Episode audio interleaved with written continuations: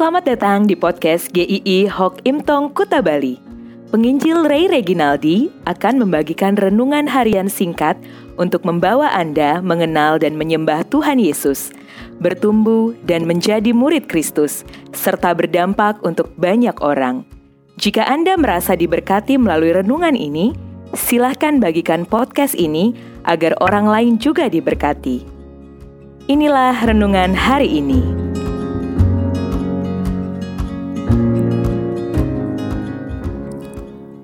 Sombong amat Amsal 16 ayat 18 Kecongkakan mendahului kehancuran dan tinggi hati mendahului kejatuhan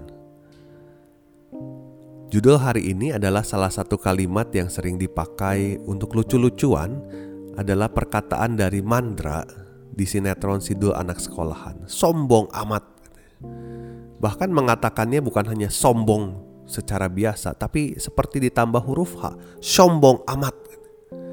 Ini sebenarnya pada hari ini menjadi lucu-lucuan antara sesama teman yang sedang bercanda. Tapi kalau kita bicara kesombongan dalam arti yang sebenarnya, ini bukan bercandaan. Ini sangat serius di hadapan Tuhan. Ada yang mengatakan bahwa orang yang sombong tidak akan merasa dirinya sombong. Wah ini bahaya banget. Sombong tapi gak ngerasa sombong. Kesombongan itu ternyata berbahaya karena bukan hanya kadang tidak disadari, tapi dinantikan oleh kehancuran dan kejatuhan.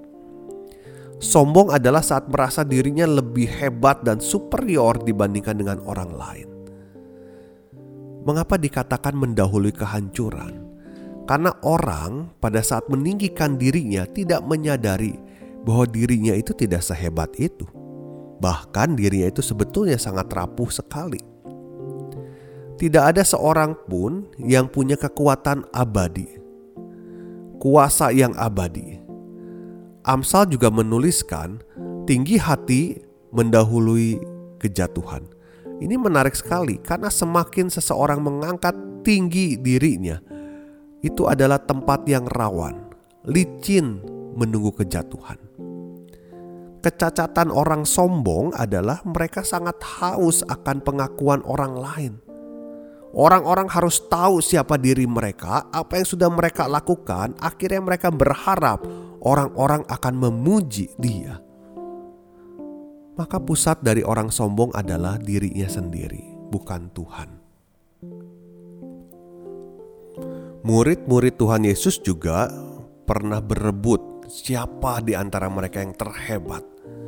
Mereka mungkin menunjukkan masing-masing prestasi seperti apa yang telah mereka capai, kemampuan mereka seperti apa sehingga mereka layak untuk disebut terhebat. Tuhan Yesus menunjukkan cara hidup yang sama sekali berbeda. Dia datang bukan dalam kemewahan tetapi kesederhanaan. Dia Allah yang tidak terbatas tapi rela hidup menjadi manusia. Bahkan dia Tuhan disebut rela menjadi hamba. Melayani kita semua. Dia melakukan semuanya itu agar manusia menyadari dirinya bukan siapa-siapa tanpa Allah. Karena hanya dari Tuhan Yesus Kristuslah kita dapat diselamatkan. Maka dia rela untuk mati di salib, dihina, dicaci maki, bukan mati dalam kemegahan kemewahan. Tuhan itu bukan saja ahli dalam memakai orang-orang yang tidak diperhitungkan tetapi sangat ahli juga menurunkan orang-orang dari puncaknya. Lihat saja di Alkitab banyak raja-raja yang kuat dan berkuasa dengan mudahnya diturunkan. Maka jangan sombong. Ketika Tuhan Yesus mati di kayu salib, ketika kita melihat salib itu, lihatlah di sana itu kita bukan apa-apa. Tuhan Yesus rela untuk terhina, tersalib supaya kita punya hidup yang baru. Untuk mencegah hidup dalam kesombongan, beberapa tips saja. Pertama, teruslah pandang siapa Tuhan Yesus yang kita percaya. Roma 11 ayat 36 mengatakan, Sebab segala sesuatu adalah dari dia, oleh dia, dan kepada dia, bagi dialah kemuliaan sampai selama-lamanya. Kedua, sadar bahwa kita ini manusia biasa. Kita penuh kelemahan, tidak ada yang super di antara kita. Kita ada karena kasih karunia Tuhan saja. Ketiga, banyakin mengucap syukur. Karena itu berarti kita menyadari bahwa semua yang kita miliki adalah pemberian Tuhan. Kepintaran, prestasi, pekerjaan, jabatan itu dari Tuhan.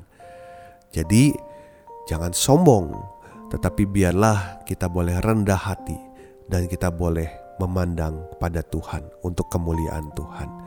Sampai jumpa di episode besok, kita akan merenungkan tentang perkataan lemah lembut. Tuhan memberkati.